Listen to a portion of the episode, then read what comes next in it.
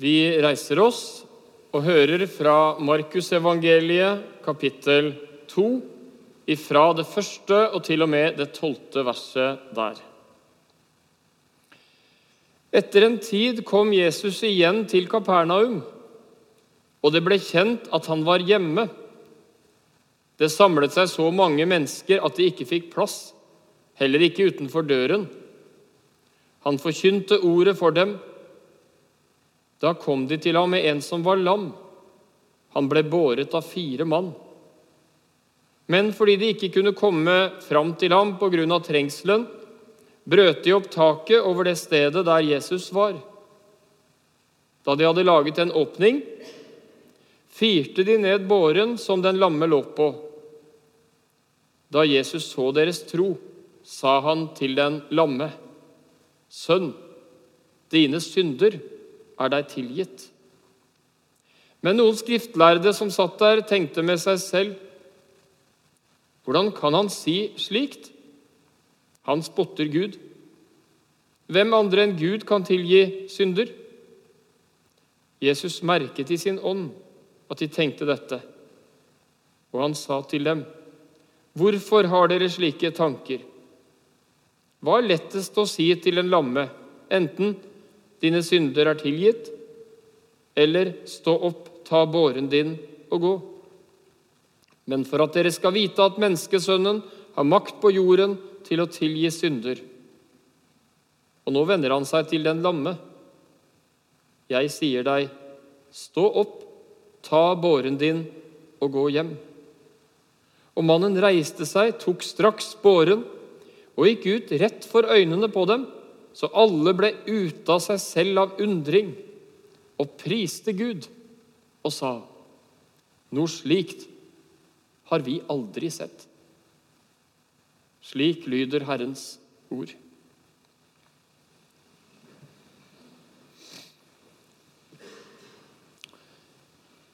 Vi er eh, mange mennesker samla, og det betyr naturligvis også at det er en god del av dere som sitter her, som har førstehånds erfaring med hva det er å streve alvorlig med helsa over kortere eller lengre tid. Og dere veit bedre enn alle som, bare, eh, som først og fremst bedømmer det fra utsida, hvor dypt det tar tak når helsa slår seg vrang. Og hvordan tanken, oppmerksomheten og følelsene til de grader kretser om det ene spørsmålet, og ofte litt altoverskyggende spørsmålet kunne jeg bare bli frisk? Eller i hvert fall friskere enn nå. Og det å være lam hører naturligvis til de ekstra dramatiske og ekstra alvorlige helseproblemer. Gi en beskjed til eh, hendene. Hjernen gir en beskjed. Hendene lystrer ikke. Gir en beskjed til føttene. Det er noe en gjerne vil gjøre og tenker det er viktig å få gjort. Om det så er å vifte vekk en flue fra nesa, eller hva det er. Men det skjer ingenting. For kroppen er lam. Er og blir lam. Jeg kjenner ei i eh, Telemark som er sånn eh, bortimot lam, og har vært det i mange år. Sitter der i rullestolen sin og får allikevel eh, spredd veldig mye godt fra sitt varme hjerte og sitt kloke hode, bl.a. gjennom at hun sender masse mail og bruker munn til å styre PC.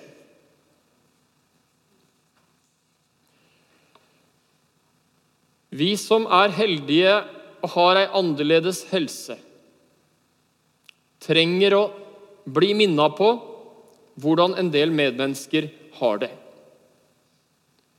Og trenger å ta det litt innover oss hvor tungvint det må være å være lam. Hvor plundrete hvor ydmykende og hvor tålmodighetsprøve det må være dag etter dag, time etter time. Og for friske så er det lett å glemme hvordan sykdom kan være ydmykende. Og hvor viktig det er at vi som skal være hjelpere, ikke ydmyker unødig. Det er veldig grunnleggende i en menighet at vi stadig har det i tankene. Hvordan kjennes det for den som stadig igjen og igjen er avhengig av å spørre om hjelp, avhengig av at noen følger med og oppdager at her trengs det hjelp? Hvordan går det an å få gitt hjelp på en måte som ikke i unødvendig grad provoserer verdigheten og selvfølelsen til den som plages og trykkes av alvorlig sykdom? Det trengs bærere som stadig er med og bærer på mange plan i en menighet, i en bydel, i et nabolag, i en familie. Og det trengs bærere som kan noe om den grunnpilaren i hjelpekunst, og ikke ydmyke den som trenger hjelp. Og Det er dessverre ganske vanlig at når noen sitter i rullestol, så, og det kommer noen forbi som skal si noe til den i rullestolen, så snakkes det til den som triller isteden. Og så sitter den i rullestolen kanskje og tenker at du tror dem jeg er dum i huet, selv om jeg dessverre må sitte i denne stolen. Du kan da snakke til meg. Det sier ikke vedkommende, men tenker det i sitt stille stinn. Teksten i dag den sier ingenting om den sykes tro, men den sier om bærernes tro. Bærerne hadde tro. Og Det gjør at jeg tenker at det var en Kristus-tro som gjorde at de hadde den kreativiteten, den iver og det engasjement til å være bærere, sånn som disse fire mannfolka var. Og jeg tror at menigheten på Ryenberget har mange bærere. Og det er bra. Det er det grunn til å takke Gud for. Det er det grunn til å verdsette. Mange bærere som på hver sin måte er med og bærer, sånn at noen andres åndelige eller legemlige byrder blir litt mindre byrdefulle å forholde seg til. Og når jeg satt i går eh, ved PC-en og skrev på manus til i dag, så eh, var det ett navn som var eh, spesielt i tankene mine. Lars Brekke. En del av dere kjenner navnet. Han døde så brutalt tidlig. Og De gangene jeg kom her til Ryenberget, så var det et eller annet som sa meg dette er en veldig god bærer. Han bærer folk på den gode måten. Takk Gud for alle sånne som på hver sin måte er med å utfylle i det store bærelaget. Vi er jo i et bærelag når vi står ved en kiste. Da går det seks stykker og bærer kista ut av kirken og ut til det hullet som er gravd, hvor kista skal ned i. Det er en oppgave, det også. Men det er langt viktigere å være i vårt medmenneskes bærelag. Langt tidligere enn den dagen de skal bære oss de siste meterne fram til gravplassen.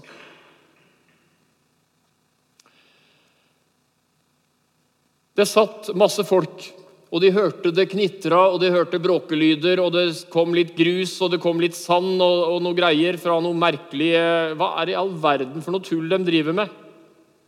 Og når de begynte å ane hva som var på gang, så regner jeg med noen blei irritert. Eier dem ikke køkultur, disse her folka? Uh, og, og um, de, var ikke, de, var tydeligvis så ivrige etter å hjelpe at de var villige til å gå over noen uh, grenser i forhold til hva som kunne irritere enkelte. Og så kan vi ane hvordan Jesus Det står at Jesus venner seg til den syke. Og For meg så er det et budskap om at hele Jesu kroppsspråk taler sitt samstemte og tydelige språk. Hele Jesu konsentrerte fokus er retta inn mot denne mannen denne mannens nød og dette mennesket, denne situasjonen, denne sykdommen på to plan. Og så bruker Jesus ordet 'sønn'. Hva tenker du når du hører ordet 'sønn'? Hva tenker du når du hører ordet 'datter'? Det er noe nært. Det er noe tett innpå. Vi sier ikke 'min sønn' eller 'min kjære sønn'. Vi sier ikke 'min kjære datter' til noen som står litt ute i periferien for oss. Selvfølgelig gjør vi ikke det. Det flyttes tett inntil. Jesus trår mentalt sett veldig nær den syke.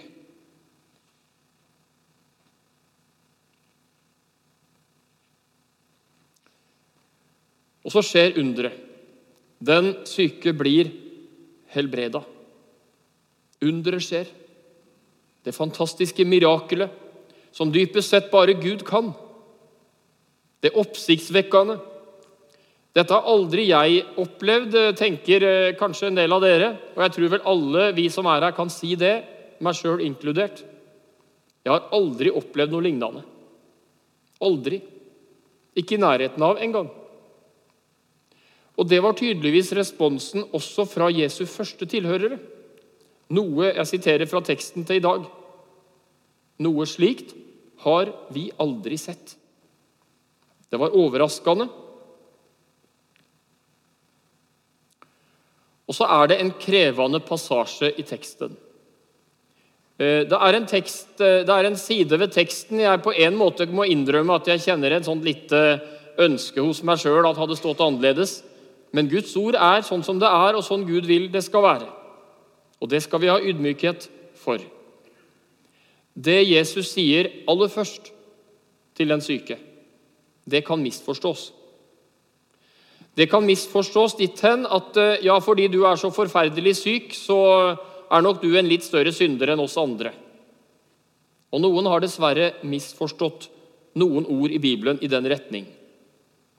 Det er langt unna det Jesus står for, og det er langt unna den samlede bibelske åpenbaring.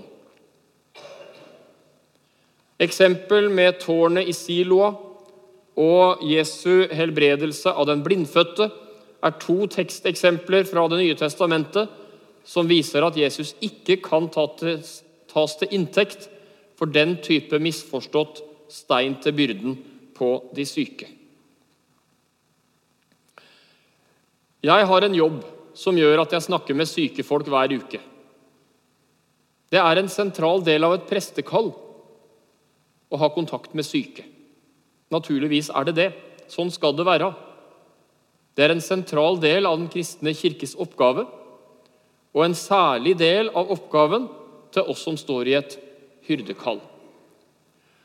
Og når jeg kommer til ei sykeseng, til en syk som jeg ikke har møtt før, begynner jeg da som trinn nummer én å snakke om vedkommendes synder?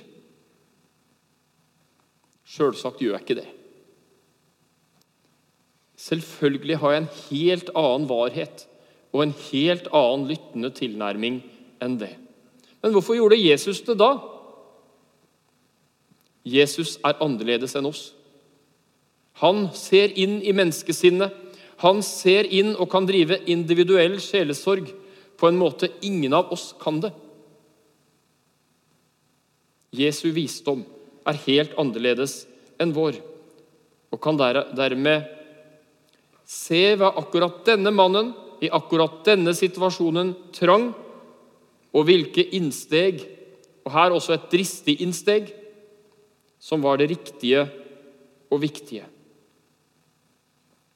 Han ser et menneskets innerste. Og han så, og han visste, her trengs det et enda større mirakel. Her trengs et enda viktigere mirakel. Han er ikke barn av Gud. Han trenger å bli løst. Han trenger å bli løst fra sine synder. Han trenger det aller, aller største og viktigste mirakel et menneske kan møte. Å møte tilgivelsen fra Gud, bli løst, bli løfta inn i barneforholdet. Å få være Guds reine barn. hvor alt er lagt på Jesu regning. Alt er tilgitt, alt er tilbakelagt, alt er ordna. Så denne mannen der i, den, i møtet i Kapernaum, han opplevde to store under. Det største under var frelse. Og det andre veldig store underet, det var helse. Begge deler gjorde Jesus. Er det rart folk blei ute av seg av undring? Er det rart de priste Gud? Det hadde de all grunn til å gjøre.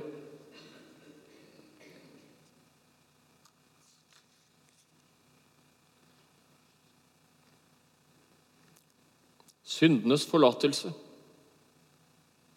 Det er det aller største behov den lamme hadde. Og det er jo også det aller største behov for ethvert menneske. Og det trenger å være en stadig bønn, og det trenger å være en stadig lengsel i en kristens sinn. La meg få leve i syndenes forlatelse. Og gjør det sånn at den gave, den rikdom og den glede og den storhet som syndenes forlatelse er, kan nå inn til mange flere i miljøet rundt Ryenberget, i omgangskretsen din, til mennesker du kjenner, til mennesker du er glad i, til mennesker du vil det beste. Synd forsvinner ikke ved bortforklaring. Synd forsvinner ikke ved bagatellisering, selv om det kan virke som enkelte mennesker har blitt fanga av den innbilning at det er holdbar teologi. Synd skal bekjennes. Synd skal kalles synd. Og i møte med Jesus Kristus kan vi frigjøres, løses fra syndens skyld, fra syndens skam og fra syndens straff. Det trang den lamme. Det trenger vi alle. Og den gaven tilbys. Den gave ønsker Gud av hele sitt hjerte å rekke til deg, og la den være din. Sterke ord sto det om det i leseteksten fra Romerbrevet. Om hvordan Gud rettferdiggjør, deler gaven, deler evangeliet, deler sin nåde. Det er ikke noe Gud er mer opptatt av enn å løse deg fra all din skyld, all din synd og all din skam. Hvordan blei den lamme løst? Han hørte orda fra Jesus. Det var det som skjedde. Han hørte.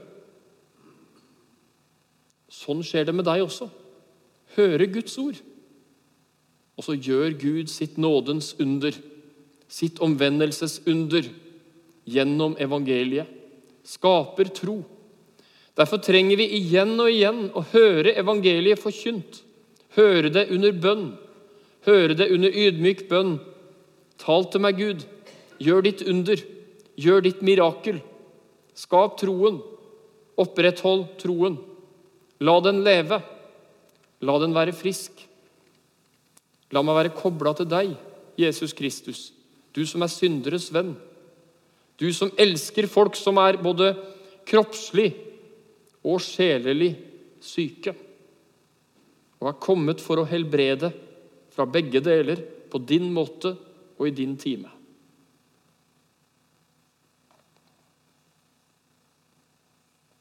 Kjære Gud, takk for at den syke blei frisk. Aller mest takk for at han blei frelst. Og så ser du de mange som så gjerne ville ha blitt frisk men eh, blir gående tiår etter tiår kanskje og streve med alvorlig sykdom. Herre, du ser det er mye vi ikke skjønner, men vi legger våre kjære fram for deg. Må du dele det aller beste til hver enkelt. Og gjør det sånn at det er mange bærere som fortsatt er i funksjon, og som er med og gjør byrder mindre byrdefulle, både for kropp og sjel. Amen.